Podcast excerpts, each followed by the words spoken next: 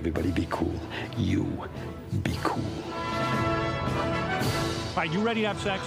You're the good kid. We come in peace. We come in peace. You are the motherfucking Antichrist. We're gonna let you go, okay? Ok. Film er best på radio. I'm gonna make him an offer he can't refuse. Nova Noir.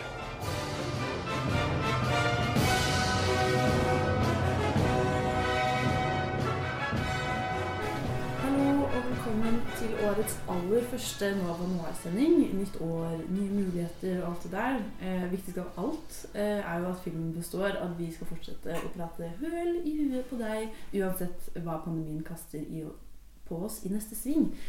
Vi er som eh, sist ikke tilbake i studio ennå, så nå spiller jeg og min kompanjong Alexander inn med god avstand i hybelen min. Vi har mekket kaffe, og det er generelt god stemning, så det er egentlig bare lyden som er annerledes. Og i dag skal vi snakke om et tema som muligens har stått på folks ønskelister i jula eller nyttårsforsett. Enten som mål eh, om å oppnå det, eller å unngå det. Jeg snakker selvfølgelig om graviditet.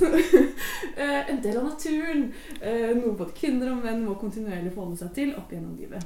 Eh, og da er det naturlig at man lager en del filmer om dem også. Eh, Vi skal snakke om Ninja Baby, eh, den nye norske spillefilmen som forhåpentligvis har premiere på norske kinoer i løpet av våren. Vi så jo den sammen, Alexander, og da kom vi frem til at det hadde vært nokså spennende å se nærmere på andre filmer om og med gravide kvinner. Eller jeg sier kvinner, men vi skal faktisk bevege oss ut på en film som eh, bryter litt med den normen, i hvert fall. Men før vi gjør det, Alexander, hva har du sett siden sist? Eh, du, jeg, før jeg kom hit, så tenkte jeg jeg må jo prøve å holde meg til én film. Men jeg har nylig fått meg eh, Criterion Channel, yeah. denne streamingsiden til Criterion. Eh, og har sett så mye god og morsom og rar film i det siste. Og jeg vet ikke hvor jeg skal begynne. Men den filmen som på en måte sitter mest liksom fast i min bevissthet eh, for tiden, er eh, Mishima av, av eh, Paul Schrader, som jeg så eh, for noen dager siden. Hvis soundtrack av Philip Glass bare sånn go på repeat i hodet mitt hele tiden. Hva, hva handler det om? Den handler om en, en uh, Det er på en måte en slags biopic om en japansk forfatter eh, med kunstnernavnet Mishima, som eh, er veldig lite kjent i Vesten, men veldig, veldig, har vært, var veldig veldig stor i, i Japan i sin periode. Og eh, avsluttet sitt liv eh, ved å forsøke å, å begå et kupp. Eller om det var liksom et reelt kuppforsøk, eller mest et liksom stunt.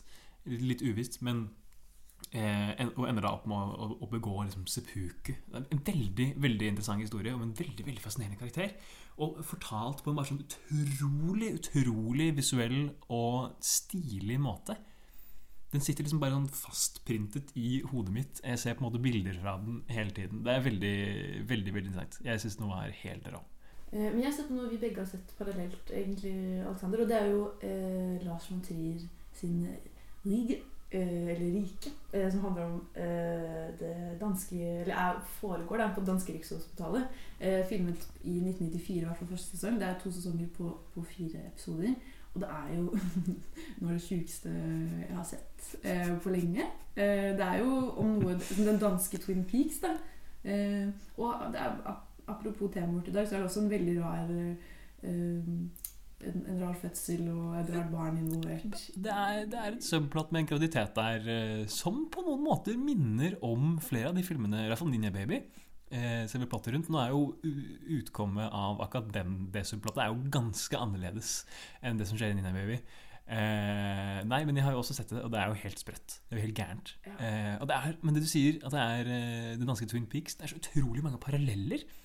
Sinnssykt mange paralleller. Om det er på en måte bevisst eller ubevisst for Lars von Trier, vanskelig å si. Det her med på en måte to sesonger hvor den siste på en måte blir galere og galere, og så blir den bare sånn plutselig avbrutt, og det kommer aldri en siste sesong.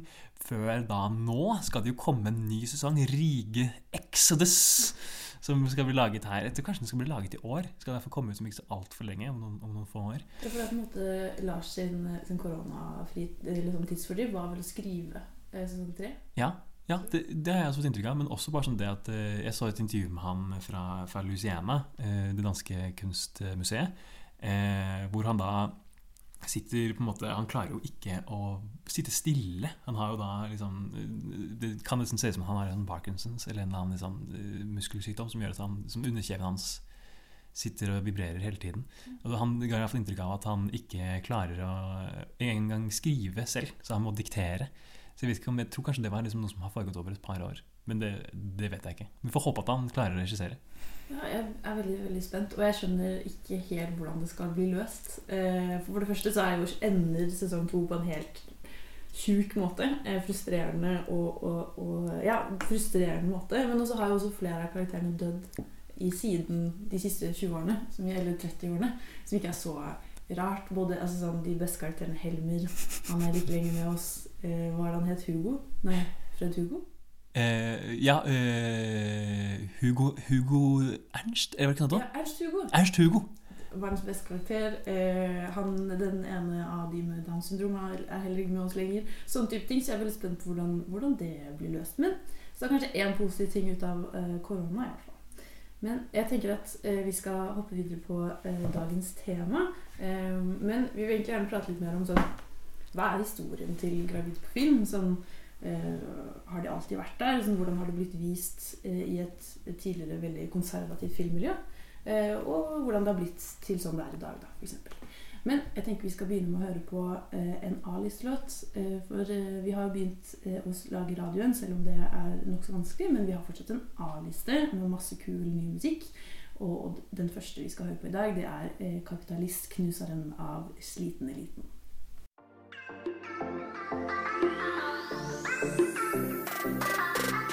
Du lytter til Nova Noir her på Radio Nova.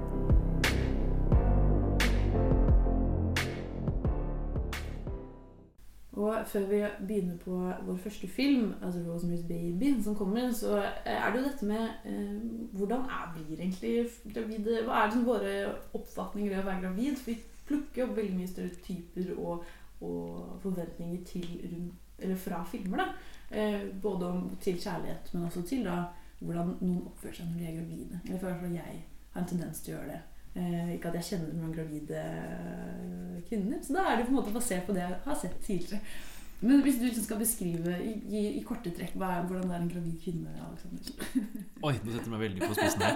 Hvordan er en gravid kvinne? Ja. Altså I forhold til disse filmene vi har sett, så er det i hvert fall et par ting som skal med. Ja.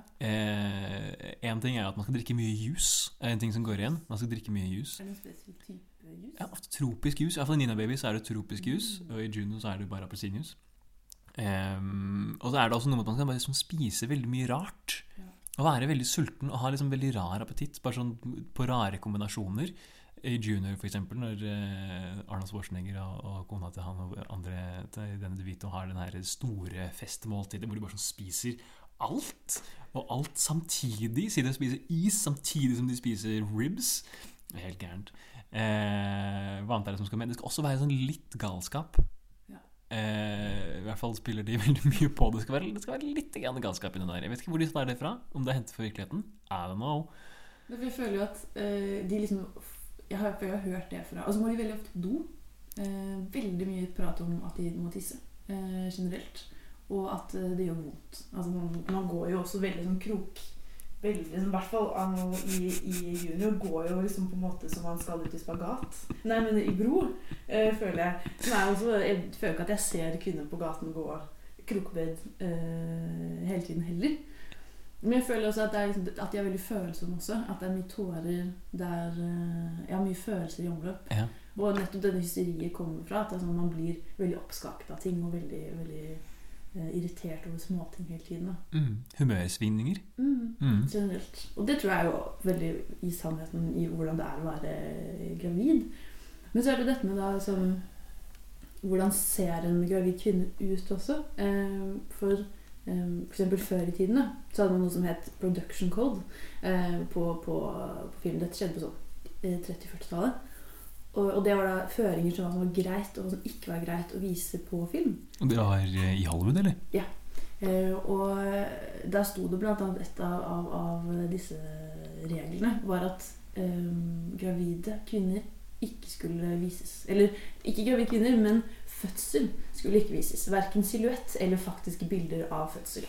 Eh, og det førte jo, som er en veldig sånn interessant eh, ting å, å nekte noen å gjøre. Altså sånn, Det er en så naturlig del av livet, og det er så mange eh, altså, eh, På en eller annen måte så må kvinner forholde seg til det å være gravid på et eller annet tidspunkt. Enten om eh, man velger ikke gjøre det, eller om man gjør det. Så, og så har man da likevel eh, Og det er grunnen til at vi overlever, er fordi folk føder. Men det er ikke lov da å vise på, på, på film.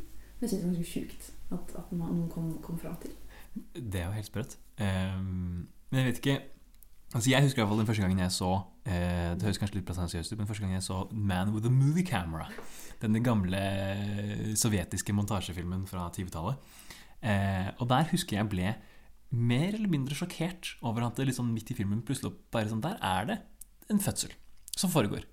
Bare sånn, Det er plopp, en baby som dukker opp ut av en jentetiss. Men ser du alt, liksom? Ja, ja, ja. Full på. Bare sånn rett på. Eh, ser alt. Eh, en, veldig, en veldig interessant scene. Men jeg husker også jeg tenkte da Det her er jo ikke noe man ser. Nei. Det her er jo ikke noe man ser.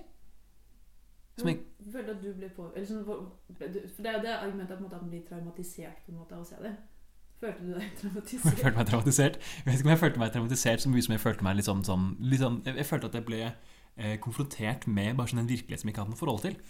Eh, at det her med altså Hvordan, en, hvordan en, en fødsel bare sånn ser ut, hadde jeg ikke egentlig noen sånn veldig idé av. Eh, det, på en måte, det, er, det er jo ganske sjukt, egentlig, at det går an. Og at vi i dag har et ganske Nå er det nesten litt kult å vise det på TV. Eh, for eksempel Sigrid Tusvik har jo født på TV. Av Bloggerne, så Monica Nyhus føder på TV. Så det er på en måte Det er gått fra å være denne sånn tabu-tingen til noe vi øh, nesten syns bare er, liksom, hyller det. Så det er nesten litt feil igjen, det også. At man må hylle at noen tør å vise fram at de føder.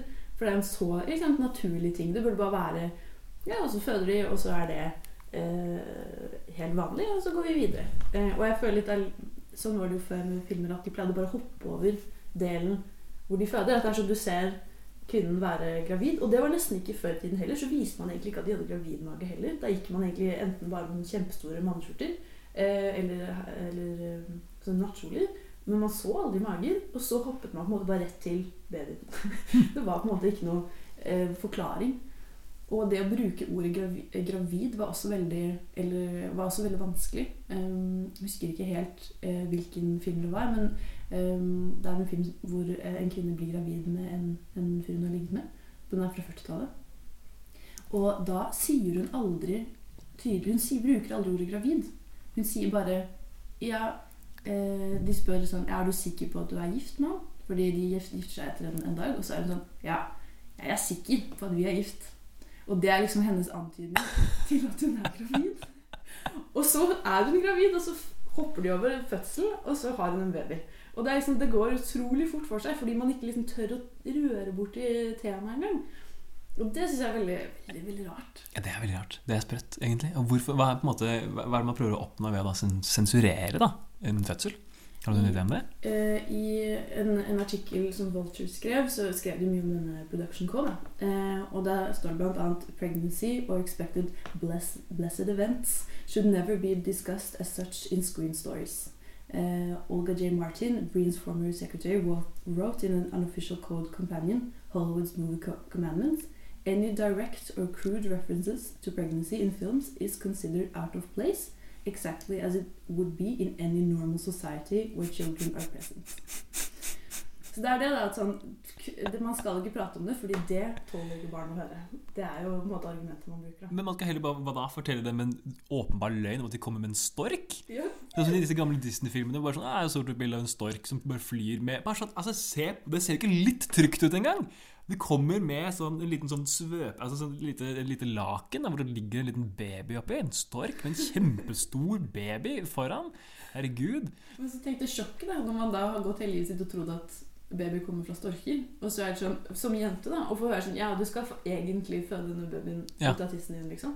Det er jo ikke noe hyggelig å høre. Absolutt ikke. Det er som å høre at julenissen ikke fins. Og apropos med bloggerne, fordi det var en episode som kom denne uken hvor Monica Nyhus kommer hjem til sine tre sønner med denne lille babyen.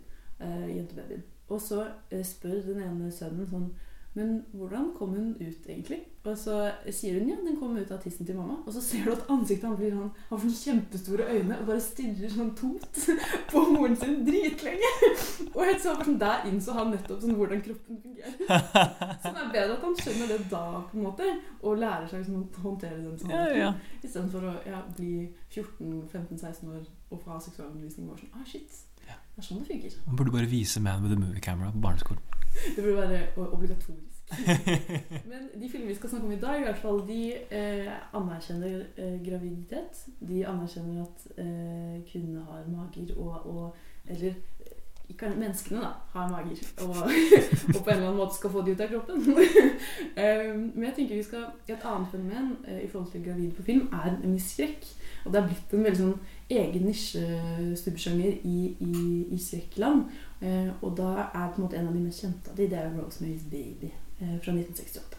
Så vi skal se eh, enda nærmere på den, og hvordan den velger å fremstille eh, gravidkvinnen på. Men jeg tenker vi skal eh, høre en, eh, en låt som er innenfor babysjangeren. Eh, og det er nemlig 'Pretty Baby' av Sassy Nunu Me. Can't see a goddamn thing. Quit griping. I like griping. Come on, knock it off.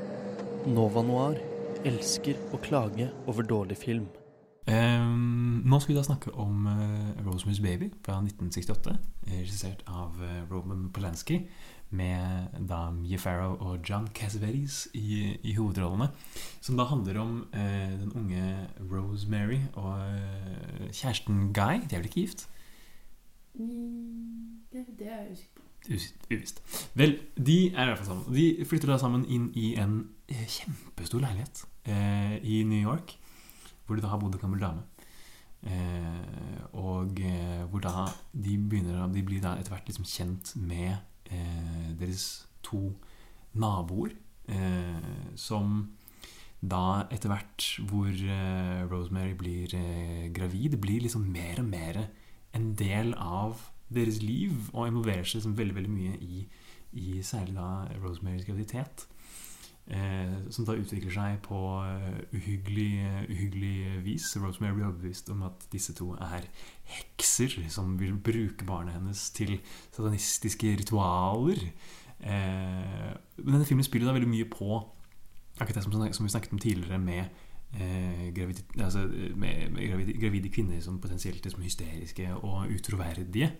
Eh, til å på en måte skape en sånn uvisshet hos publikum i hvorvidt det eh, Rosemary presenterer, er den faktiske sannheten, eller om det bare er noe hun har funnet på.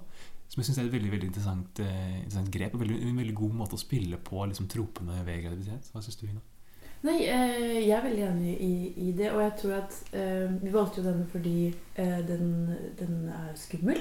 Eh, og skal liksom gjøre Ja, ta videre dette med at eh, når, når vi prøvde å finne filmer da, til, til sendingen, så var jeg blant inne på Letbox, som vi har, som vi har snakket varmt om her på, eh, på, på Noir tidligere.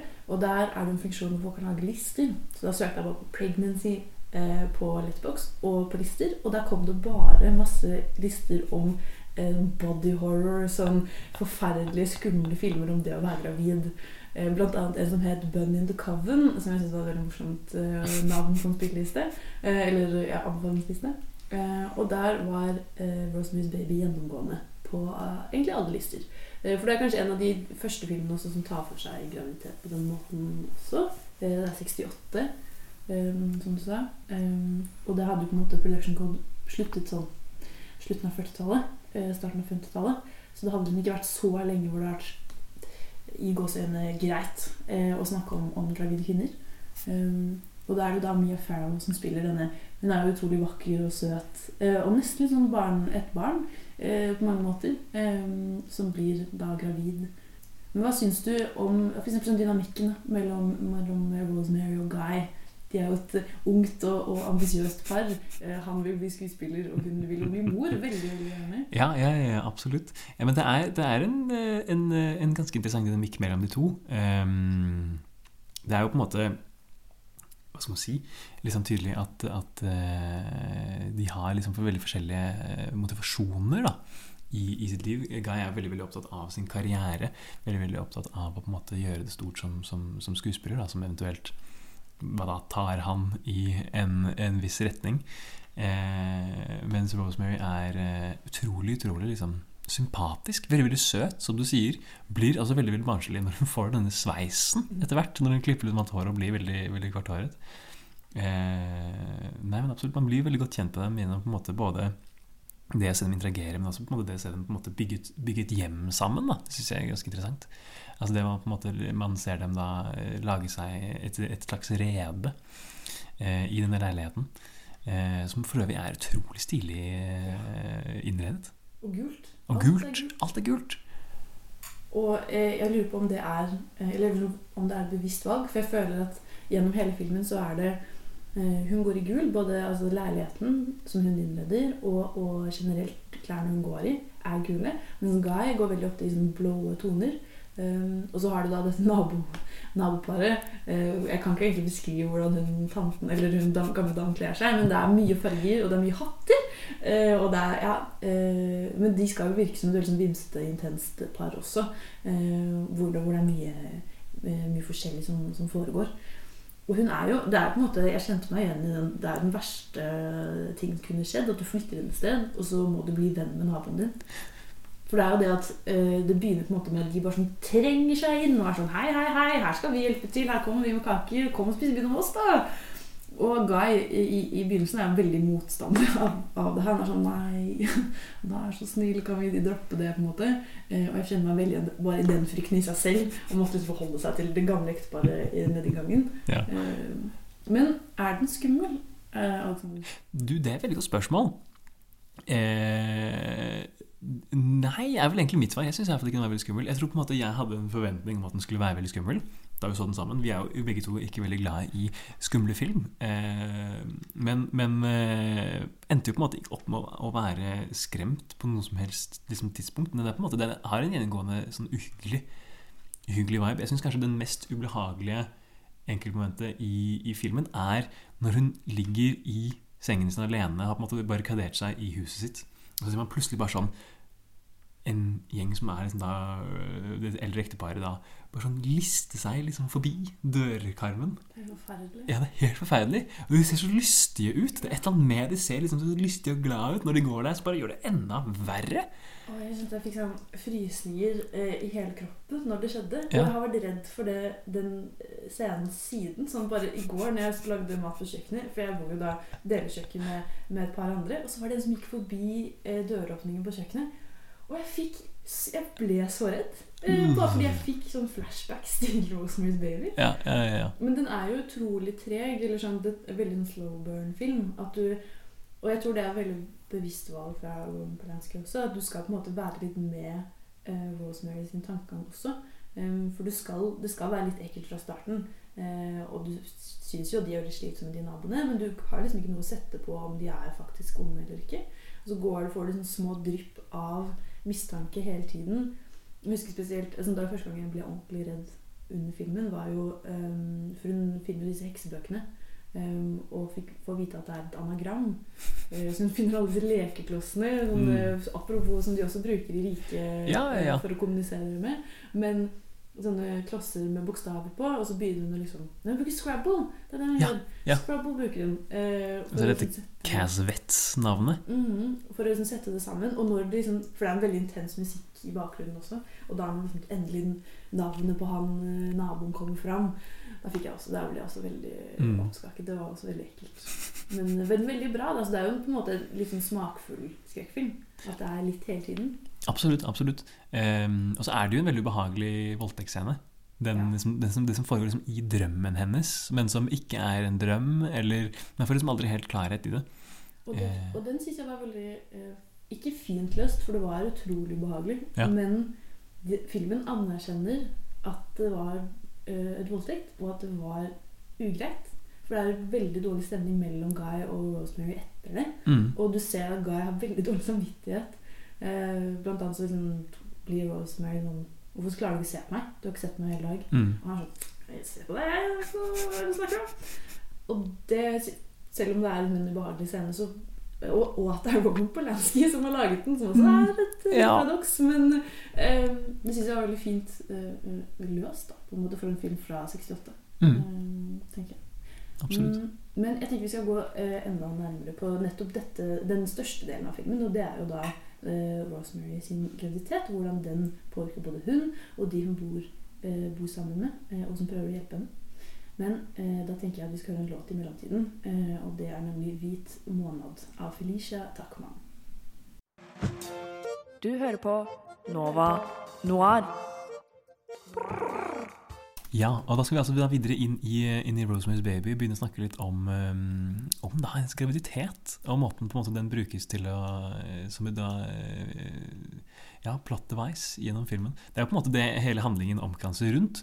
Men det er jo veldig mange elementer ved hennes graviditet som også på en måte brukes til på en veldig effektiv måte i, i da eh, handlingen, handlingens forløp. Og da tenker jeg liksom spesielt på Altså det her med, med, med Rosemary som en liksom upålitelig eh, informasjonskilde, en upålitelig forteller. Altså hun blir jo da eh, mer og mer eh, hva skal man kalle det, hysterisk etter hvert som, eh, som filmen forløper seg. Eh, og blir da mer og mer mistenksom overfor det paret som bor ved siden av til liksom Johns, eller Guys. Eh, liksom da forfalskede forfam, forfamsethet, eh, på en måte. Det syns jeg på en måte det er en, en veldig god måte å på en måte legge opp til at vi som, eh, som eh, publikum skal være uvisst om hva som kommer til å skje, hva som kommer til å være utviklingen i, i historien. Eh, fordi selv om på en måte det hun oppdager eh, gjennom da eh, hennes gamle venn Hugh som tipser henne om denne hekseboken eh, Det er på en måte Men det, er på en måte, det kan jo være liksom bare noe som dukker opp, eller som, blir sånn framprovosert av hennes egen eh, hjerne. Hva tenker du om det?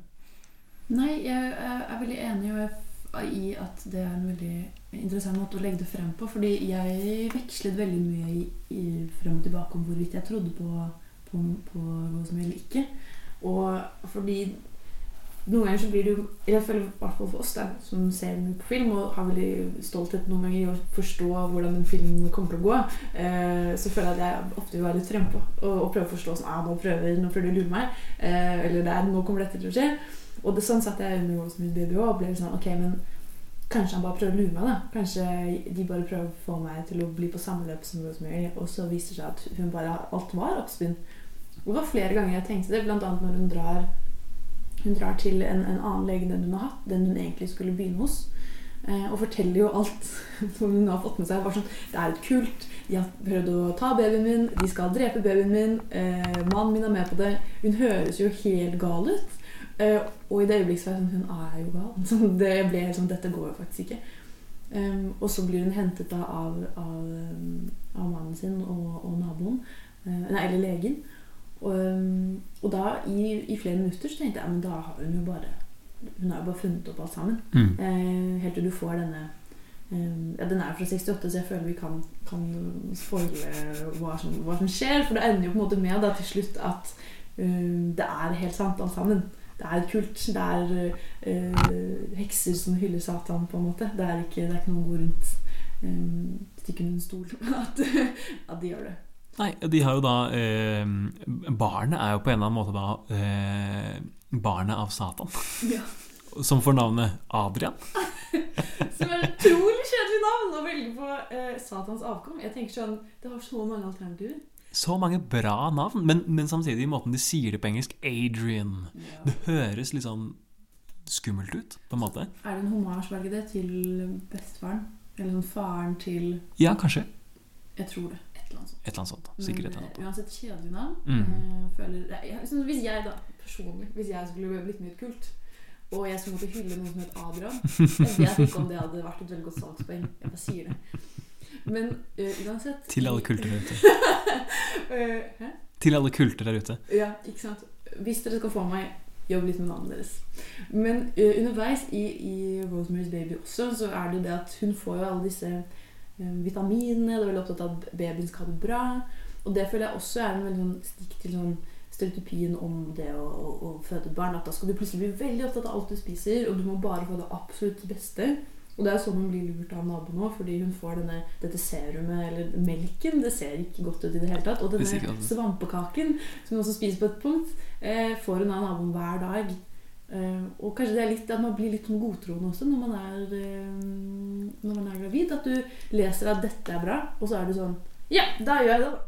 Og så er det veldig rart at eh, legen hennes, eh, som da er en god venn av disse naboene, bare som bestemmer at ja, nei, du skal få disse vitaminene, men eh, naboen din har jo et herbarium, så hun kan jo bare tilberede en drikk til deg. Hun vet jo veldig godt. Jeg bare gir henne en oppskrift, og så skal hun gjøre dette her.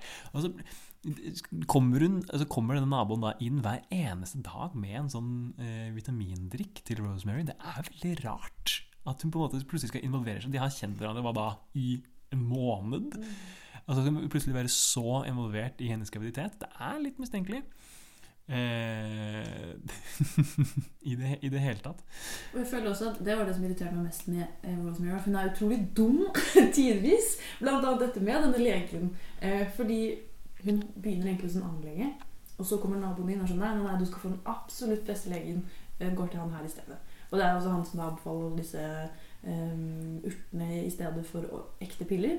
Um, og så når hun innser da at naboene er hekser, så drar hun jo til legen for å liksom, bare sånn Herregud, eh, naboene mine er gærne. Men de er jo venner! sånn Legen er jo anbefalt av naboene dine. Selvfølgelig er han også med på det. Og når hun da innser at han er med på det, så blir hun helt sånn Nei! Og så blir hun sånn Du er så dum! Og jeg føler også kanskje det er en graviditetsgreie at du bare sånn blir litt blind da, på en måte. På det, på det. Jeg vet ikke. Ja, kanskje at man kan tilgi henne for å, være, for å gjøre dette her bare fordi hun er blind, eh, fordi hun er blind, holdt jeg fordi hun er gravid. Jeg vet ikke. Jeg irriterte meg også veldig mye over den scenen. Um, I det hele tatt. Altså hele den derre liksom, hysterien som hun kommer Som hun faller ned i, i der liksom, mot, eh, mot slutten av, av filmen, er um, er jo interessant, for det er jo der, er der man på en måte er litt sånn usikker på, på ehm, hvorvidt hun er en troverdig eh, forteller eller ikke. Og så kommer jo på en måte alle disse mennene rundt henne og skal være sånn Nei, nei, nei, vi må skal passe på deg. Du er bare gal og hysterisk. Og med en gang liksom det skjedde, så tenkte jeg faen, fuck disse mennene som på en måte bare sånn skal sitte der, stå der og på en måte vite bedre enn henne. Eh, akkurat der eh, eh, sluttet jeg på en måte å tenke at, at, at, det, var noe, at det var noe galt med Rosemary, eller at han hadde, at han hadde rett. Bare fordi liksom det var så Eller ville det mest. Bare fordi jeg ville ikke at disse forbanna mennene skulle ha, skulle ha rett. At hun bare var hysterisk. Men uh, kan du forstå altså, Som dette at gra gravide kvinner har blitt en egen skrekksjanger. Kan du forstå hvorfor det har blitt Hvorfor er det en, blitt en så stor nisje? liksom? Det er jo noe body horror over en graviditet, eller over en fødsel spesielt. Eh, jeg vet ikke om du husker altså den, den mest hva da, skjellsettende scenen i Rige for min del er jo avslutningen av sesong én, når dette barnet blir født, og hodet til Udo Kier dukker opp ut av tissen til hun. Åh, det er så grusomt! Jeg ble helt sjokkert. Er du har et, et vesen inni kroppen din. Sånn, det er det at det, Når jeg innså det, lærte det for noen år siden, eller det er sikkert lenge siden, at når en baby sparker, så kan du se det på magen. At det ser ut som noe vi ut, liksom. Det er jo ikke Det er jo veldig, egentlig veldig ekkelt Det veldig konseptet, på en måte. ja, Konseptet er et barn i magen. Ja, det er altså, sånn kjempenaturlig. Jeg er veldig for det, på en måte. Men i seg selv, hvis, hadde, hvis det ikke hadde vært en greie, og noen hadde sagt sånn Hei, tenk om du hadde hatt en, en, et ekte, en ekte baby inni magen din som bevegde seg, og som hadde eh, nerver og, ikke sant? Og følelser på, på en måte da, inni din egen kropp. Det høres jo ikke bra ut. Det er, det, det er jo helt sykt. Men det er jo også på en måte Det er jo en sånn eh, trope som går igjen i, sånn- i body horror sånn. Den der liksom fødselen som kommer ut. Det som skjer altså i, i, i Alien, når den, eh, denne alien liksom dukker opp av magen. Det, kan måte, det er jo litt sånn fødselsaktig. Det er veldig Ja, det er noen veldig sånn ekle undertoner i det. Jeg syns i hvert fall selv det er liksom Det er, det er eh, Ja, det, det påvirker en å se, på en måte. Og så er det jo mange filmer som øh, håndterer sånn, øh, altså sånn skrekkfilmer som ikke handler om at det er masse blodgger og sånn, men også at det bare kan være veldig kneblende for en kvinne. At man ofte forbinder, kan forbinde da, øh, fødsel eller barn med noe som liksom tar frihet fra kvinnen. F.eks. Revolutionary Road. på en måte. Da er det på mye med dette med suburbia-livet.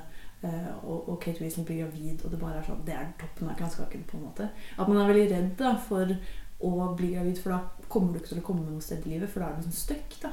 Um, men det er jo på en måte en helt annen sjanger igjen. da. Det er ikke så, så gørrete, men heller bare veldig sånn um, symbolsk på, på det kvinnen har liksom måttet gjøre i alle år, egentlig. da. Ja, det er veldig mye liksom, uh, implisitt i en uh, fødsel, både i, sånn, i det eh, eksplisitte i, eh, i, selve liksom, fødselen og smerter og eh, det som følger med, men også på en måte det her med de implikasjonene som følger med videre i livet av å ha et barn. Dette ansvaret, f.eks. Det er jo noe som er veldig en, en, en veldig stor eh, stort ansvar å bære. da og det er jo egentlig litt av temaet som er i neste film vi kommer til å komme, Juno. Eh, dette med ansvar. Hva, er det, hva betyr det egentlig å ha en baby? Hva skal du gjøre med, med ungen når du først har blitt gravid? Eh, og det er kanskje en litt utradisjonell måte å gjøre det på, men Juno er jo en film som mange kjenner igjen fra i hvert fall jeg kjenner igjen fra min ungdomstid. Eh, så den skal vi snakke om straks, men en liten låtpause til, tenker jeg. Og da skal vi høre 'Baby Blue' av Lokoi og Safario. Jeg har egentlig sagt det, men jeg kan si det en gang til. Radio Nova. Radio Nova. På, på DAB og nettradio. På radionova.no. jeg har egentlig sagt det, men jeg kan si det en gang til. Radio Nova. Og nå skal vi tilbake til 2007, fra 1968 og fram til 2007, til nemlig Juno, som handler om Eh, en jente med samme navn som finner ut at hun er gravid. Eh, og egentlig tar filmen resten av reisen. Hva skal hun gjøre med denne babyen? Skal hun, hun ender opp med å beholde den eh, fordi hun er redd for å ta abort. Og da skal prøve å finne en passende familie som kan, kan ta babyen når den enn skulle komme. Og Juno er på en måte hva man kan kalle en, en utrolig typisk Tumblr-film, hvis det sier deg noe, kjære lytter. Fordi hvis, du, hvis, jeg skal beskrive da plakaten til Juno, så er det disse oransje og hvite stripene med en grønn, knæsj grønn logo som er skrevet i sånn tegneserieskrift. Og så har du da Michael Sarah, som står i altfor korte shorts, eh, gule shorts og gult eh, svettebånd, eh, og klør seg i hodet. Og da eh, Elliot Page, eh, da kjent som eh, Ellen Page, står med en veldig stor kulemage og en, en T-skjorte lignende bakgrunnen på plakaten. Og den bare skriker quirky og, og indie. og det er det hele filmen også er. At det bare handler om denne veldig rare eh, uttrykksfulle jenta som skal få et barn til, til verden. Eh, men hva er ditt forhold til Juno, Alexander? Eh, som du sier, en veldig liksom Tumbler-film. En liksom film i litt den der uh, quirky indie-tradisjonen fra liksom Napoleon Dynamite. Mm. Um, deler veldig mange trekk med den liksom, for øvrig, både sånn stilmessig og liksom i, i måten karakterer eh, snakker med hverandre på, egentlig. Som interagerer med hverandre. Som om de på en måte eksisterer i et alternativt amerikansk univers. Eh, hvor alle bare sånn er litt Altså her er de på en måte Her har de jo eh, en, Det er en annen måte å interagere med hverandre på enn på den Dynamite. Det er på en måte alt veldig eh, kleint. Men det føles liksom relatert til hverandre. Um, men ja, jeg, jeg, eh, så den for første gang da jeg var liksom, typ sånn 15-16 år, som jeg tror er den perfekte alderen å se den, se den, i. For da tenker man på en måte å, hun er, litt, sånn, hun er litt tøff, egentlig. Hun er litt rå. Jeg skulle ønske jeg kunne på en måte være like, like kjapp i kommentaren som, som, det Juno er. Men når jeg nå ser den igjen som litt eldre, så merker jeg at jeg, jeg vet ikke om jeg har blitt en gammel gubbe, jeg, men jeg irriterer meg over det. Og det, det er jo ingen som snakker sånn! Det er jo, greit at måte, det, er, det er jo um, gøy å ha stilisert dialog. Tantine gjør det jo stort med sin stiliserte dialog, men det her blir jo nesten bare for mye. Det blir sånn kvalmt quirky. Jeg synes Spesielt den scenen i, eh, i denne dagligvarebutikken eh, med han hvor hun skal kjøpe seg en ny graviditetstest, og de driver bare sånn, har sånn quirky dialog fram og tilbake.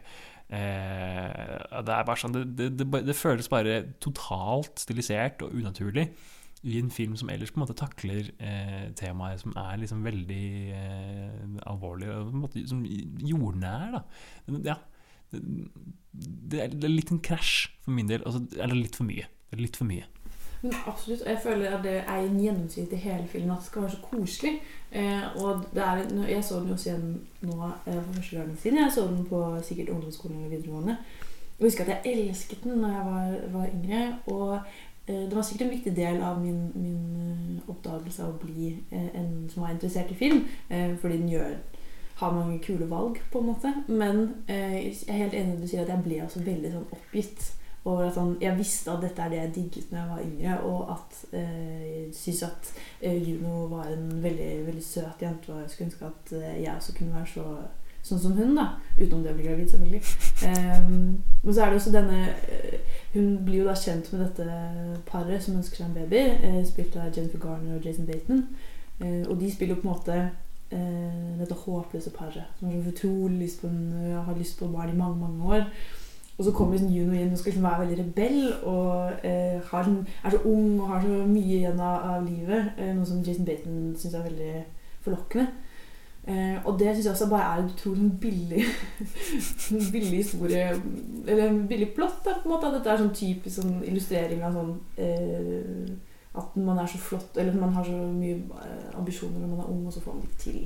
Eh, og, så kommer, og så blir du sjalu på alle de som er yngre enn deg, fordi de, de fortsatt har så mye langt, lang tid igjen. da eh, og Det er det jeg føler den romantiserer i veldig denne alderen av det å være 17-18 år og være bekymringsfri. Og du kan bare få en baby.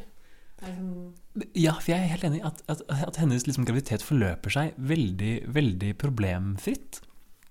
Eh, og det er jo Ja, jeg, jeg ser, veldig, ser, veldig, godt eh, det, det, poenget du tar opp, men jeg syns også det er på en måte interessant eh, og på en måte en, en, god måte å kontrastere liksom, en ungdomsverden på med en, liksom, med en voksenverden, og denne på en måte karakteren til, til eh, ja, denne, denne, mannen i dette, i dette paret. Eh, jeg føler på en måte også at han, han, han slår meg som på en måte forholdsvis eh, troverdig. Jeg, jeg, skjønner det, på en måte.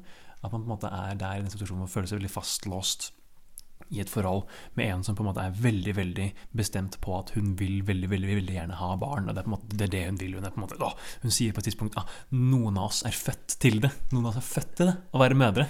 Ja. Eh, og men han på en måte bare sitter Du kan bare se det fra begynnelsen at han er ikke like gira. Han er ikke like, like interessert. Um, og det skjønner jeg på en måte veldig, uh, veldig godt. Men det, ja, uh, deres interaksjon er jo også uh, morsom og problematisk etter hvert. Og, men det, det, det, er bare et eller annet med Juno, Juno spilte av Elliot Page som bare sånn irriterer meg ganske mye i, i dag. Og, og, også denne scenen hvor de da møtes for første gang, hvor hun skal være så ah, irriterende. Det, på en måte, der, jeg skjønner veldig godt hva den scenen ønsker å formidle, i det at de vil på en måte vise hennes liksom, ukomfortabelhet, samtidig som hun på en måte vil teste dem. Fordi hun skal tross alt gi dem barnet sitt, som vil på en måte vite hva slags folk de er. Eh, og, og, i det hele tatt. Men det, det, det bare løses på en litt eh, overdreven klein måte. Jeg synes jo, Det ene du sier at eh, det er veldig troverdig. For jeg føler også at sånn, Jason Batons karakter er liksom en fyr jeg vet om. Og jeg tror også at uh, for eksempel Michael Cera sin karakter er også en fyr som alle kjente. Den litt høye uh, lanky fyren som ikke helt vet hva han driver med. Han bare syns det er hyggelig å løpe litt og sitte og spise tic-tac og gjøre, ha det hyggelig, på en måte. Og jeg føler også at sånn synes spesielt relasjonen mellom Juno og uh, Bleaker, som, han, uh, som Michael Cera sin karakter heter, er utrolig fin. Og jeg syns også det er selv på tross av liksom at det er veldig klisjéfylt, og uh, hun skal være så tøff, og, men det er liksom hun finner ut at jeg syns egentlig Bleak er ganske kul. Jeg syns han er en veldig fin fyr. Eh, det synes jeg var veldig, veldig vakkert, egentlig. Eh, spesielt den scenen mot slutten når hun har født babyen. Og, og ikke kommer inn og sånn, er sånn svett og har vært og hatt sin egen turnering, løpeturnering. Og så sånn, legger han seg sånn inni sengen sammen og blir liggende mens hun gråter. Og det er en veldig fin scene. Da blir jeg faktisk ganske rørt, på tross av at det er en veldig sånn rar og tullete film. Mm. Uh, fram til det punktet. da. Men en annen ting med Juno er jo også dette med musikken. Ja. Uh, for det er jo veldig indie-preget. Det er veldig indie. Det er veldig, veldig indie. Og det, er, det, holder seg på en måte ikke til bare dialogen og den visuelle stilen. Det jo, kommer jo veldig gjennom, uh, gjennom musikken også. Veldig en sånn indie, indie, indie, indie-vibe.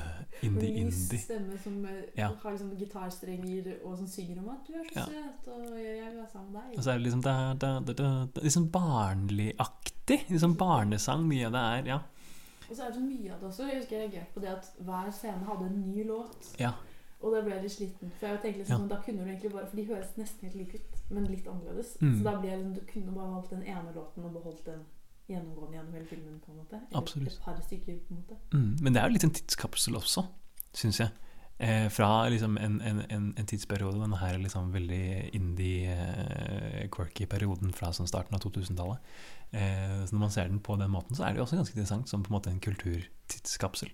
Absolutt. Eh, og vi snakket jo litt om det i stad, dette hvordan eh, hun, altså Det virker som at det er sykt lett å bare få en baby. Eh, og det er litt det som er eh, som vi skal snakke litt nærmere på. Fordi her er det en litt annen holdning enn Rosemary's Baby da, på nettopp dette å føde et barn og, og vite hva du skal gjøre med det. Men jeg tenker vi skal ta en, en liten musikkpause til. Eh, og det er en A-listelåt, eh, nemlig 'Believer' av Smaus. Du Du Du hø hører På På Radio Nova. Når Juno finner ut at hun er gravid, eh, etter å ha tatt eh, 14 Eller eh, ikke så mange, men i hvert fall en del graviditetstester, eh, så går hun egentlig først for å ta abort. Det er liksom det første hun, hun tenker. Og jeg drar til denne abortklinikken, hvor hun møter en klassekamerat eh, som står der og roper all, all babies eh, et eller, annet, et eller annet veldig mye med språkfeil. og sånn, og så hun, hører, hun blir jo fremstilt som en veldig idiot eh, der hun står. Kommer inn eh, på klinikken, eh, blir dårlig behandlet av eh, kundeservice eh, og bestemmer seg for å stu og dra i døren. Og tar ikke abort likevel. Og hun blir da møtt av eh, nok en tidskapsel, en jente som sitter med Nintendo DS. Det la jeg ikke merke til. Hun sitter der, og den er jo så tydelig, denne hvite Nintendo DS-en som hun sitter og spiller på mens hun tygger tyggis. Um, veldig gøy. Eh, husker selv tiden. Åh, spilte så mye DS. Men, men, eh, men ja, for det er på en måte er, eh, Man skjønner jo på en måte hva denne eh, scenen er for noe. For måte, man, hun må jo liksom gjennom dette her, må jo inn på abortklinikken og på en måte ha på en måte utforsket det for at det skal være sannsynlig, eh, det som skjer i resten av filmen. Um, og det er på en måte også en fin måte å eh, vise hennes sårbarheter, da, som hun på en måte prøver veldig hardt å, å, å, å unngå gjennom måte den tøffe holdningen hun holder gjennom hele filmen. Men jeg syns samtidig at er det ingen som kanskje kommer til å foreslå at hun kan ta en abort? Eh, det, hun er jo 16 år. Skal hun virkelig bære et barn til eh, fødsel? Eh, er det ingen som på en måte kan kanskje pushe henne litt mer? Fordi altså selvfølgelig at hun har en veldig ubehagelig opplevelse på den abortklinikken, er jo veldig forståelig. Det er jo, eh, Ingen liker å sitte på et tannlegeventeværelse, som er på en måte det hun sammenligner det med. Eh, og, og tanken på å, å, eh, å ta den aborten når barnet har fingernegler, er jo kanskje ubehagelig. Men eh, ja, jeg, jeg syntes kanskje at den burde ha blitt litt mer adressert før det gikk liksom rett på å være Ja, vi skal ha, ha dette barnet fullstendig. Selv om man på en måte forstår jo at det er jo et annet, eh, et annet samfunn. Eh, abort er jo veldig eh, tabu i eh, USA. eh, som er noe vi kommer til å komme litt tilbake til senere. Vi har snakket om junior. Men, men ja, jeg syns bare det, det hadde fortjent å bli litt mer adressert. Absolutt. Og at Fordi hun det er at hun drar dit, og så snakker man på en måte aldri om det igjen. Hun må jo fortelle til foreldrene sine til slutt at hun er gravid. Eh, men da har hun på en måte allerede begynt å fi- finne fosterforeldre, eller foreldre som kan ta over barnet. Um, og da er det på en måte stemoren som spør sånn men har, du, har du vurdert det siste alternativet? Eh, og så er mor sånn Nei, eh, det kan jeg ikke gjøre. Og så er bare mor sånn Ok, men da skal vi gjøre det her, da. Og så er det sånn Men det i seg selv er jo fint at de er veldig støttende overfor for barnet sitt, men samtidig Det er som sier, det er ikke null stress å få et barn når du er 16 år gammel. Og også bare sånn konsekvensen av det å gå på skole da, altså sånn de fordommene du blir møtt med. Um, og det reagerte også veldig på i Juno, er at hun får egentlig veldig lite sanksjoner eller egentlig konsekvenser av det å være gravid. De fremstiller det på en måte som om det så ble jeg gravid, og så ble det høst, og så vår, og så sommer, og så fødte hun. Og så var det det. Um, og det tar, for en film som handler så mye om å være gravid, så handler den overraskende lite om nettopp det å være gravid. De nevner bare at hun får jo større mage, sakte, men sikkert. Um, også, men, og at hun må mye på do. Men annet enn det så er det ikke veldig mye um, som tas opp. Nei, det er jo ikke det. Og det er jo egentlig veldig rart. Uh, at det på en måte ikke får ha en større del av filmen. Dette her, selve, selve liksom graviditetsforløpet. Eh, selv om det på en måte er jo Man trenger ikke på en måte å se henne bli hysterisk, eller hva som skal til, men bare sånn at det på en måte adresseres litt mer, da, eksempel. Eh, og en annen ting, altså hun er jo da 16 år gammel, går på high school, eh, og, og, og det å på en måte bli gravid der, det vil jo også da påvirke hennes skolegang. Eh, vil jo da måtte på en måte Ja, i det hele tatt. Det er veldig mange ting jeg tenker på, på en måte, sånne ting som, som, som Forskjellige konsekvenser av dette her. Og så tror jeg at Det er viktig å understreke at eh, det at noen er gravid på film, betyr ikke at det er det eneste man skal prate om. For eksempel Fargo eh, har jo løst det ved at det er kvinner som er politibetjent som er gravid. Men det er null stress. Det er, det er fordi, og det er ikke null stress fordi det er null stress å være gravid, men det er bare det at det er ikke poenget i historien. er ikke at, eh, at politimesteren er gravid. Mens her er jo det på en måte hele fokuset i filmen er Mm. at eh, Juno har valgt å beholde denne babyen. Mm. Jeg tror noe med det at Når du først skal lage en film om det å ha barn, så er det veldig rart å ikke liksom anerkjenne liksom de konsekvensene man får. Fordi La oss si da jeg hadde vært eh, 16 år, blitt gravid Så ikke at jeg, Juno har så mye makt, men det at jeg hadde sett denne filmen da og sett Å nei, barn har fingernegler. Å, men Juno fødte jo og fikk fant fosterforeldre med en gang, og det gikk kjempebra. Eh, jeg bare sier at det er litt dette med å vise et helhetlig bilde også, på en måte. Mm. Men det er jo, igjen da, det er jo én film, og eh, man har jo, de har ikke ansvaret for en hel eh, nasjon tenåringer, om de skal få barn eller ikke. Definitivt. Og da syns jeg nesten at, at eh, Ninja Baby er eh, mye bedre i sin framstilling av dette her med de, alle konsekvensene rundt en, en fødsel. Eh, som er den neste filmen vi skal snakke om. Eh, som på en måte, Den filmen er jo veldig veldig inspirert av Juno, som man ser både i liksom, tematikken og særlig i, i, i det visuelle. Men om det er på en måte noe med den norske kulturen som gjør at det er lettere å adressere eh, forskjellige aspekter rundt fødselen, eller om det på en måte er tiden vi lever i, eller hva det er for noe. Men den tør i hvert fall å gå veldig mye lenger da, da, i sin beskrivelse av nettopp dette her med graviditetsforløpet. Nova. Radio Nova.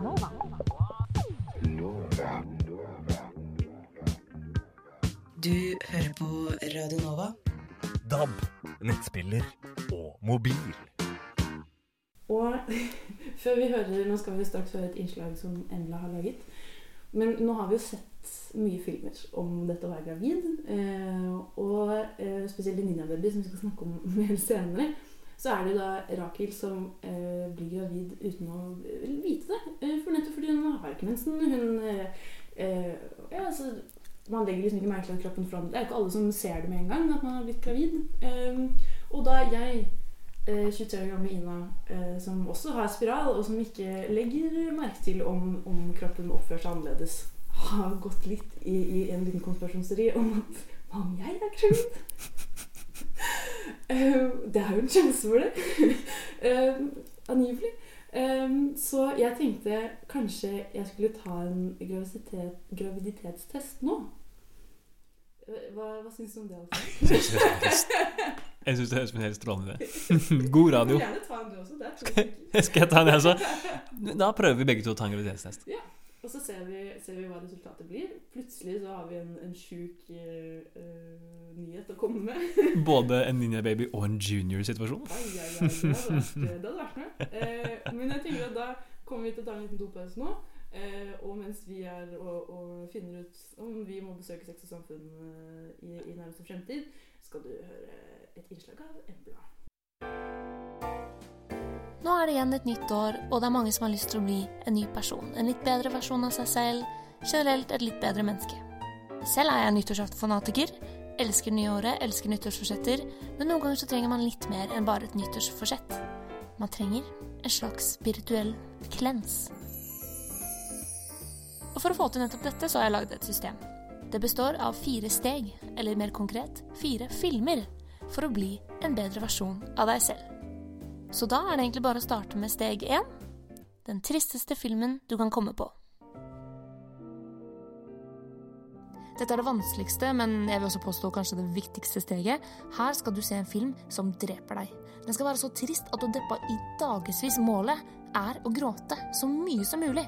Dette er en cleanse. Du skal få ut så mye drit og traumer og sorg som bare overhodet mulig. Så her har alle sine favoritter, og kanskje du har en fast gråtefilm du vet funker for deg. Kjempebra. Men det kan også lønne seg å se noe helt nytt, så du oppnår en ny type bunnløs sorg som du ikke har opplevd fra før. Og da vil jeg gjerne anbefale Manchester by the Sea. What happened to my brother? So that's Lee Chen. I don't understand. Which part are you having trouble with? Well, I can't be his guardian. Nobody can appreciate what you've been through. And if you really feel you can't take this on, you know, that's your right. Kanskje verdens aller tristeste film, men også det perfekte valget til steg én. Og da har vi kommet til steg to, som er en gjenoppbyggende film. Her skal vi komme oss opp på bena igjen. Dette er Heroes Journey-film. på en måte. Dette er en film om noen som er på bunnen, som klatrer seg til toppen. Det er i motbakke det går oppover, baby. Inspirasjon, drømmer, the climb. Her er målet å komme oss opp på bena, få på klatreskoene, begynne å klatre hjem. Og det er mange options i denne kategorien. Så her har du liksom alt fra Rocky til High School Musical 2.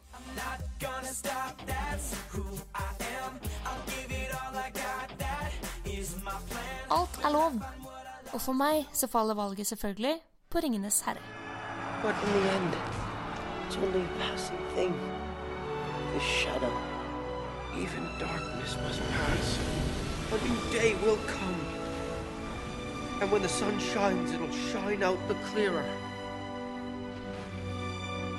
Those were the stories that stayed with you. Det er samme hvilken film. Du skal bare sitte igjen inspirert og klar for å begynne kampen som er dette livet. Og så har vi kommet til steg tre. En kjærlighetsfilm. Denne filmen kan godt være litt dårlig.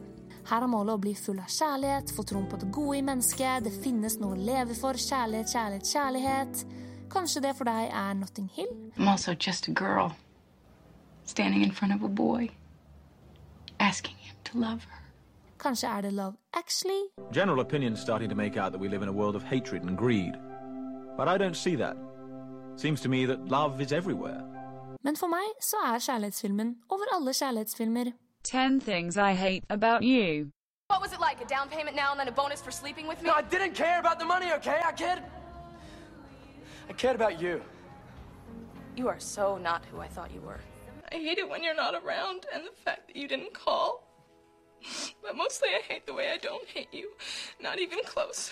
Not even a little bit. Not even at all. The best rom-com ever. Og da har vi kommet til steg fire, som er en inspirerende film om livet. I det siste steget skal vi ta tilbake livet. Vi er bare små frø på denne planeten. En stein ute i verdensrommet. Så langt har vi blitt brutt ned, blitt bygget opp og funnet kjærligheten i denne prosessen. Og nå sitter vi igjen med det aller viktigste, nemlig mening. Livets mening. En spirituell reise for å finne vår retning i det nye året. Vil du slutte med sosiale medier og rømme fra det kapitalistiske samfunnet? Se Into the Wild. No longer to be poisoned by civilization, he flees. Vil du sette pris på de små øyeblikkene i livet som raser forbi raskere enn vi klarer å holde fast i dem? Se Boyhood. It's constant. The moments, it's just. It's like it's always right now, you know? Hvilken film du skal se i denne kategorien, litt som hvilken retning du skal velge i livet, må du finne på egen hånd. Men er du litt bortkommen og du vet ikke egentlig hvor du skal starte med å prøve å finne retning engang? Da kan jeg anbefale Disney sin nye film Soul. Wow. Is all this living really worth dying for? Still alive? Can you help me get back? No way! There I am. What are we waiting for? Wait, not me!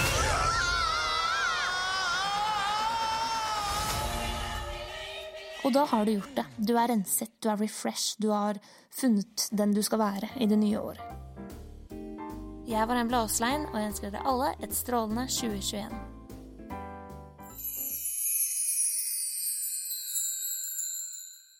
Da sitter jeg her og venter på Venter på um, svar på min graviditetstest. Det står at det skal ta én til fem minutter. Men uh, Jeg tror det er ganske tydelig hvilket svar det er allerede, altså.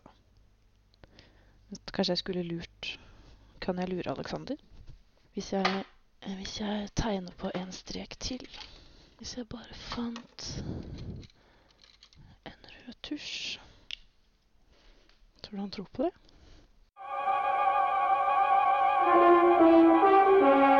Du hører på Nova Noir.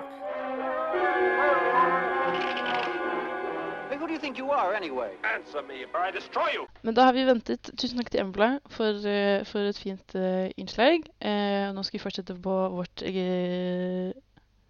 graviditetstema. Men i, i pausen så har jeg tatt en liten, en liten test. Eh, og nå skal vi sjekke eh, hva, det, hva det er. Og da er det jo som kjent én strek ikke gravid. Eh, to streker eh, gravid.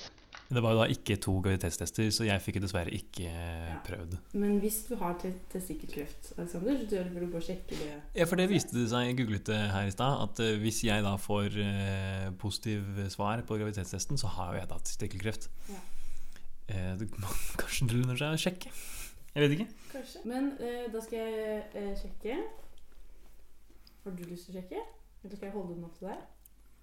Ok, To streker, to streker positiv, én strek negativ? Ja. Få se.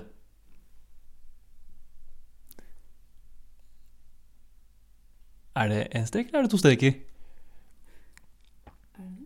Er oi, nå ble det veldig spennende her på radioen. Fordi det er Det er to streker. Er det det? Ja. Se! Ellers har jeg tegnet det på. Har du tegnet den på luring? På.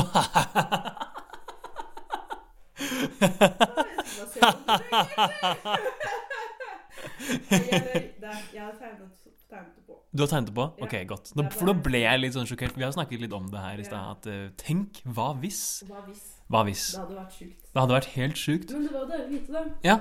For så vidt. Nå kan du gå inn i helgen og, og tenke I hvert fall ikke gravid. Hvis jeg har rare spisevaner, så er det ikke det jeg kan skylde på. Nei, ikke sant? Ja. Hvis du har lyst til å altså, dunke hva da? En liter tropisk juice? Mm. Mm, mm, rett på mm. Rett på butikken. Og vi skal rett på Ninja Baby. Det skal vi. Eh, Jeg tenker vi tar en liten en låt i, eh, før vi, så jeg kan liksom senke pulsen. Du kan senke pulsen. Jeg kan få lov til å senke pulsen. Jeg har jo fått et sjokk her. eh, og så skal vi høre på uh, Torturing, 'Torturing Lover' av Jenny. Can't see a goddamn thing. Quit griping. I like griping. Nova Noir elsker å klage over dårlig film. og da skal vi over på nyhet, eh, eller ny film, eh, nemlig 'Ninja Baby'. Og det er en ny norsk film eh, som handler om Rakel. Den er regissert av Ingvild Sve Fikke. Som da handler om Rakel, 23 år gammel, spilt av Kristine Kyatorp. Eh, bor i kollektiv med bestevennen, uh, og livet er ikke sånn helt på stell. Uh, og så finner hun ut attpåtil at hun er gravid. Og enda verre er at hun er hele seks måneder på vei. Hun har altså ikke lagt merke til at hun er gravid. Og det er ingen vei tilbake. og resten av filmen handler da om hvordan dette påvirker de forskjellige relasjonene i livet hennes. Eh, F.eks. hva med den nye typen hun dater? Hva skjer med han? Skal hun kontakte den egentlige barnefaren? Eh, skal hun adoptere det bort? Eh, skal hun beholde det? Alle disse spørsmålene eh, kulminerer og blir da ninjababy. Eh, og eh, Ingen Svefke har laget en film, spillefilm tidligere, 'Kvinner i for store herreskjorter'. Men nå er han da ute med denne. Eh, litt sånn Er det en slags eh, oppvekstfilm, eller coming of age-film? Vi så den jo sammen, Alexander. Ja, jeg vet ikke om Coming of Age er den beste liksom, beskrivelsen. Jeg tror nesten mer den passer inn i en slags romantisk komedietradisjon. Eh, det syns iallfall jeg eh, da jeg så den, men på en måte en romantisk komedie som tør å ta eh, andre veier. Da. Den er jo liksom ikke nødvendigvis så eh, giddy og positiv hele veien. Den, er jo, den, den tør på en måte å skildre noen veldig veldig mørke deler ved graviditeten. Eh, jeg syns personlig det var en, en utrolig utrolig sjarmerende film, og jeg ble veldig rørt av denne reisen til, til Rakel.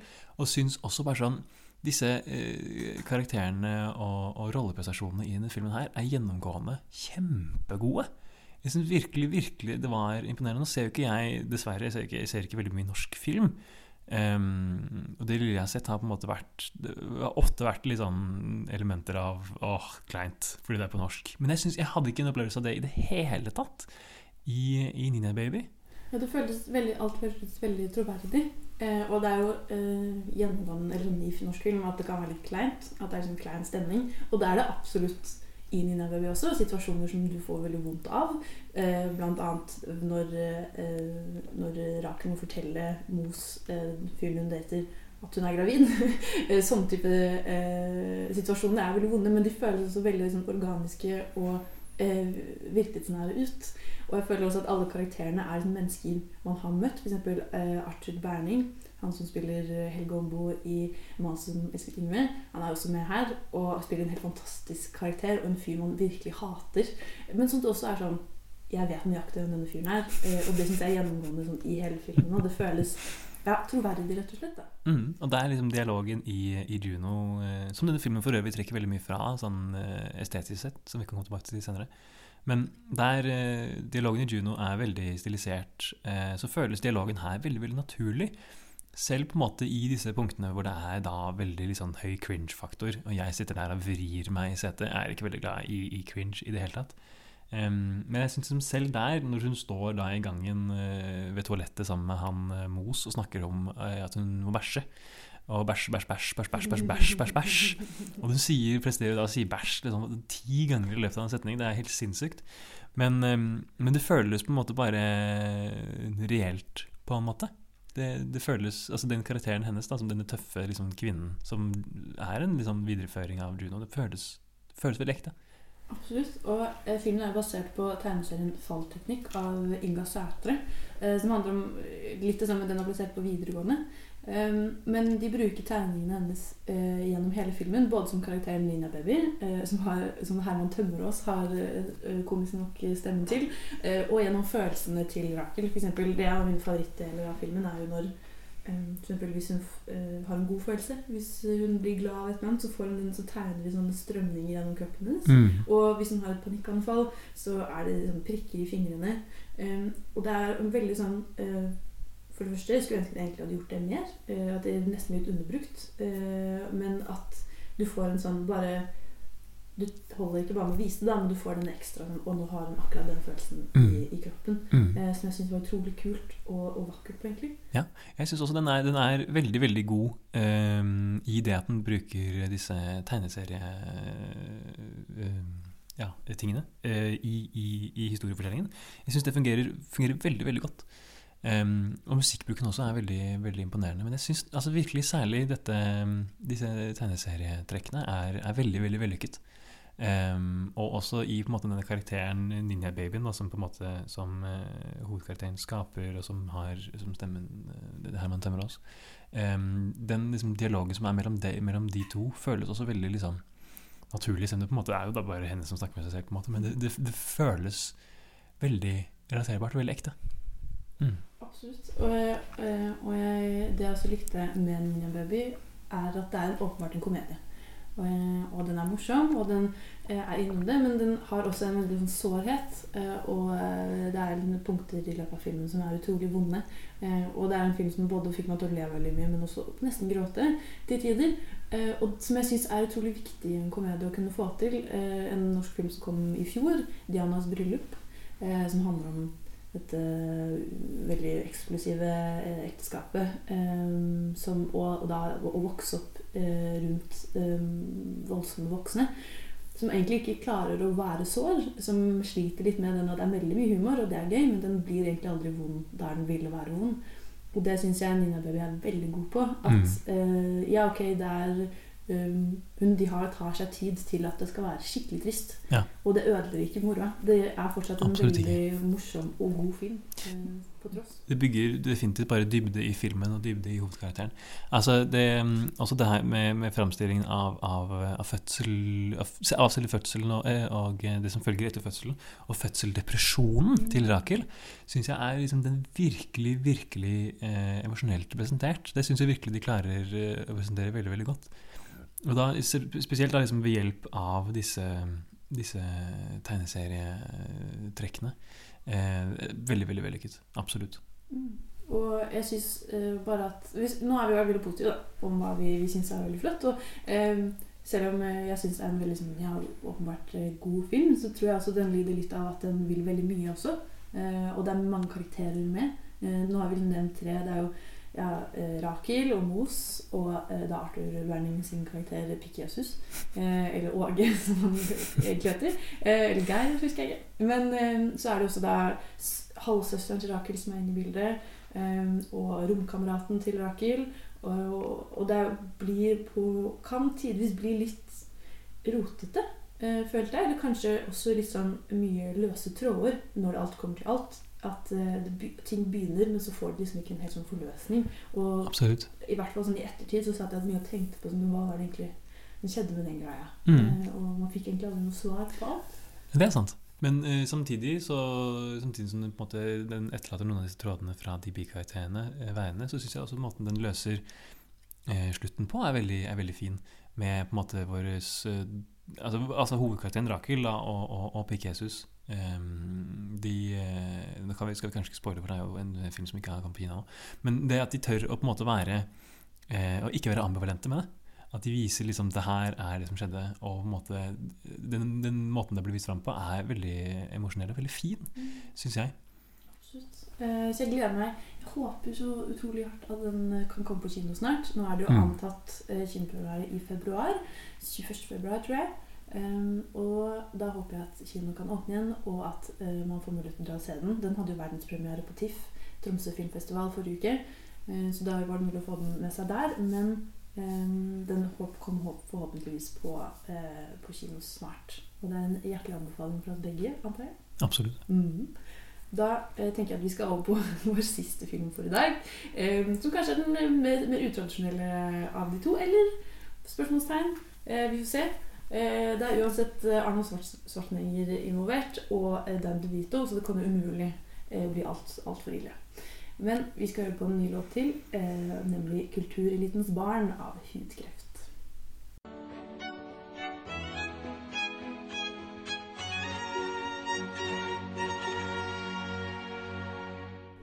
Hi, I'm Billy Boyd, and you're listening to Nova Noir. Ja, og nå skal vi da over til å snakke om eh, denne filmen Junior, som vi da eh, etter hvert har liksom, uh, name-droppet og snakket en del om eh, gjennom denne sendingen her. Den handler jo da om eh, Arnold Schwarzenegger eh, og Denny DeVito, som spiller da to forskere som jobber på et prosjekt hvor de skal altså, framstille et eh, medikament som skal hjelpe kvinner med å, med å unnfange. Som da sliter med eh, å få funding fra universitetet, og etter hvert liksom mister deres labplass. Hvor de da finner ut at uh, den eneste måten vi kan gjøre dette her på, er jo å eksperimentere på oss selv. Så de bestemmer seg da for Danny DeVito overbeviser eh, Arnold Schwarzenegger eh, til å eh, da få dette barnet inn i hans egen mage. Hvordan det fungerer, jeg vet ikke. Akkurat de der, de der tankene må man nesten bare kaste ut av vinduet for å, for å gi denne filmen en sjanse. Veldig mye som ikke gir så veldig mye mening akkurat på den fronten der. Men Arnold Schwarzenegger blir i hvert fall gravid. Eh, og så er det forviklinger som følger, og en liten romanse med Emma Thompsons eh, karakter, som vi nok kommer til å snakke en god del om eh, etter hvert eh, denne, dette stikket. Hva syns du, Ina? Nei, det er jo en Jeg vet ikke hva jeg skal si, egentlig. Eh, det eneste jeg skrev i notatene mine, er dette er den verste ideen noensinne. Eh, fordi jeg, denne filmen gjorde meg veldig, veldig provosert. Eh, jeg er ikke en person som blir veldig sint, men akkurat når jeg så Junior, så ble jeg bare sånn Hva er det? Hva- Tenk at noen er, for det første, Emma Thompson, hva er det du driver med? Så har du, hvor mye penger har du fått for å være med i den filmen? Den er jo fra 1994. Og egentlig fun fact, eh, som jeg syns er veldig gøy, det er jo Ivan Reitman som har regissert den her. Han som eh, regisserte Juno, er nemlig Jason Reitman, sønnen til Ivan Reitman. Dan, dan, da. Hva? Ja. Er det sant? Ja, så her er det en familie som har et ganske fucka forhold til det å føde barn. Eh, jeg vet ikke hva korrelasjonen er. To vidt forskjellige film for øvrig. Ja, Bortsett fra at de på en måte deler litt navn. Junior Junior. Ja, Litt til forveksling likt. Kanskje det er en, en liten, et lite stikk. Eh, Eh, men jeg- Potensielt. Det er bare det for det første siden jeg var helt sjokkerende når jeg fant ut. Men Ivan Reisman har jo hatt en Han lager mye rare filmer. Han har også laget Twins, for eksempel, som også er med Hanne Schwarzenegger og Danny DeVito. Ikke sant. Eh, og den filmen her er jo på en måte Når jeg satte meg ned og så den, så håpet jeg at den skulle være en uh, berg-og-dal-bane av uh, opp- og nedturer. Ja. Av, eh, av humor Ja. og, og, og kødd. Men den er jo egentlig ikke så morsom. Å, jeg er uenig. Er du det? Jeg er faktisk veldig uenig. Er det fordi du syns det er komisk, alt sammen? Eller er det fordi det faktisk er morsomt at de er sånn At de prøver å være morsomme? Eller er det fordi det er så tullete? Men, men altså, jeg- fordi jeg føler at jeg ler på filmens bekostning, men samtidig at filmen er såpass bare sånn sinnssyk at pre- premisset og alt som skjer i filmen, er bare sånn, det er så dumt at jeg føler også litt at jeg ler med filmen. Jeg føler på en måte at filmskaperne er klar over at det her er jo det sjukeste konseptet i, i filmhistorien. Det er helt sinnssykt at Arnold Schwarzenegger skal bli gravid. Um, jeg synes for å være helt ærlig, jeg lo veldig høyt gjennom veldig mye av filmen. Eh, jeg ler av eh, Danny DeVito og Arnold Schwarzenegger sammen. Fordi det er så kjempegøy å se bitte, bitte lille Danny DeVito og kjempestore Arnold Schwarzenegger. Jeg synes det er kjempegøy å se Arnold Schwarzenegger med briller. Å være en sånn nerdy, eh, nerdy eh, laboratorierotte. Eh, og så syns jeg det er kjempegøy når Arnold Schwarzenegger etter hvert blir gravid, og så er sånn Oh, I need to keep my baby. Um, og når han etter hvert kler seg ut som en dame og er på denne der sånn retreaten, sånn summer campen for gravide damer og det, åh, og, han, og da, en, en, en ting som jeg syns var også veldig veldig gøy med akkurat det, er da at, han, at disse, disse vanlige runde brillene som han har gått med hele filmen, er da tydeligvis ikke feminine nok, så han får noen nye briller som er sånn trekantformede som skal være mer feminine. Og hele den bakgrunnshistorien på hvorfor han skal være så mandig, er jo da at han har liksom vært med i Uh, The Eastern European uh, track, and run, track and field team, and they pumped me full of anabolic steroids. uh, og det er veldig, veldig gøy. Og de bare sånn aksepterer det. Nei, men det, er- det, det er mye uh, suspension of disbelief som foregår i denne filmen. her Man må på en måte bare, altså Hvis man skal ha noen som helst utbytte av den filmen, så må man på en måte bare gå inn med et åpent sinn og tenke at det her, det her er latterlig.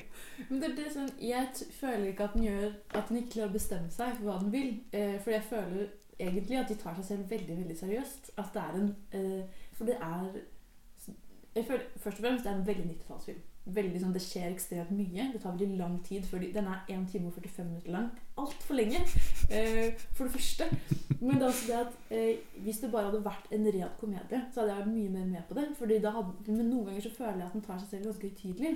Og at den prøver Og så føler jeg at den heller ikke vil fokusere noe på dette konseptet i seg selv. Er egentlig ganske kult. Eller sånn, jeg hadde egentlig digget det hvis de hadde gått prøvd å forklare meg det. da så, La oss si det hadde vært en science fiction-film på en måte hvor de var bare sånn ja, altså, For nå er det bare at de tar en sprøyte inn i magen til eh, Arnold, og så er de bare sånn Ja, så slipper vi den der. Så ligger den på en måte på sånn mellom I sånn huden og mage. Ja.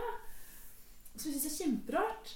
Så jeg tror bare det at sånn, jeg skulle ønske den bare hadde klart å liksom, gå en eller annen vei. For det er jo liksom dette humorelementet, og så er det den historien mellom han og Emma Thompson, altså Arnold og Emma Thompson, men også Dan DeVito og hans ekskone. Ja, og Errol Smith. Det er altfor mye som skjer. Eh, og da blir jeg bare litt sånn da, Det er for mye, da. Jeg blir ja. frustrert. Han der universitetslederen også, som på en måte er veldig motivert av at han skal på en måte få ære osv. Ja, veldig sånn rar antagonist gjennom det hele.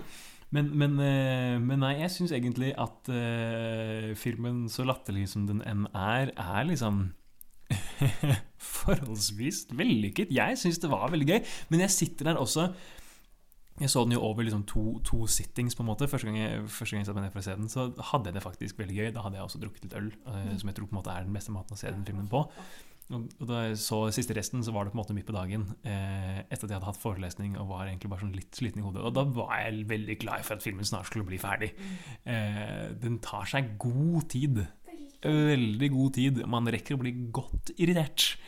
Å, herregud! Og på denne karakteren til Danny DeVito som bare er sånn Åh, han er sånn eh, italiensk-amerikansk mannemann.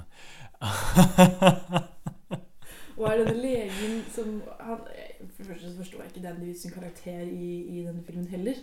Men det handler jo ikke om Danny DeVito, det handler om Arnold. Ja, Fordi men nå har vi snakket om hvordan kvinner fremstilles gravide på film, men hva om det hadde vært en mann som er gravid? Er det noe annerledes? Blir de, Oppfører de seg på en helt annen, distinkt måte? Tja. Uh, dette skal vi gå enda nærmere på, uh, på straks, tenker jeg. Uh, men jeg tenker vi trenger en liten pustepause for å bare la det senke seg hvor eh, forferdelig ikke bra eh, Junior er for min del, i hvert fall. Så kan du nyte i, i, i bildet av, av Arne Schwarzenegger som en baby. Men vi skal uansett høre 'Set Free' av Mermaid og Bård Berg. You feel that?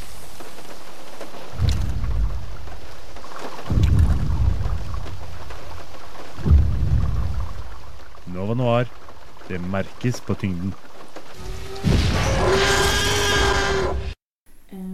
Og vi nevnte det litt før låten, men eh, Arnold er jo gravid. Og eh, når vi har nevnt allerede de stereotypiske eh, tropene rundt dette å være gravid som kvinne og Tenkte du når du skulle se Junior, Alexander, at det skulle bli Hvordan, hvordan så du for deg at de skulle portrettere Arnold som, som høygravid? Jeg vet ikke om jeg hadde noen veldig sterke tanker om hvordan han ville bli portrettert, men jeg må jo si at det er jo på en måte en slags eh, sammensetning av alle de forskjellige kvinneportretteringene vi har sett tidligere i de andre filmene vi har diskutert.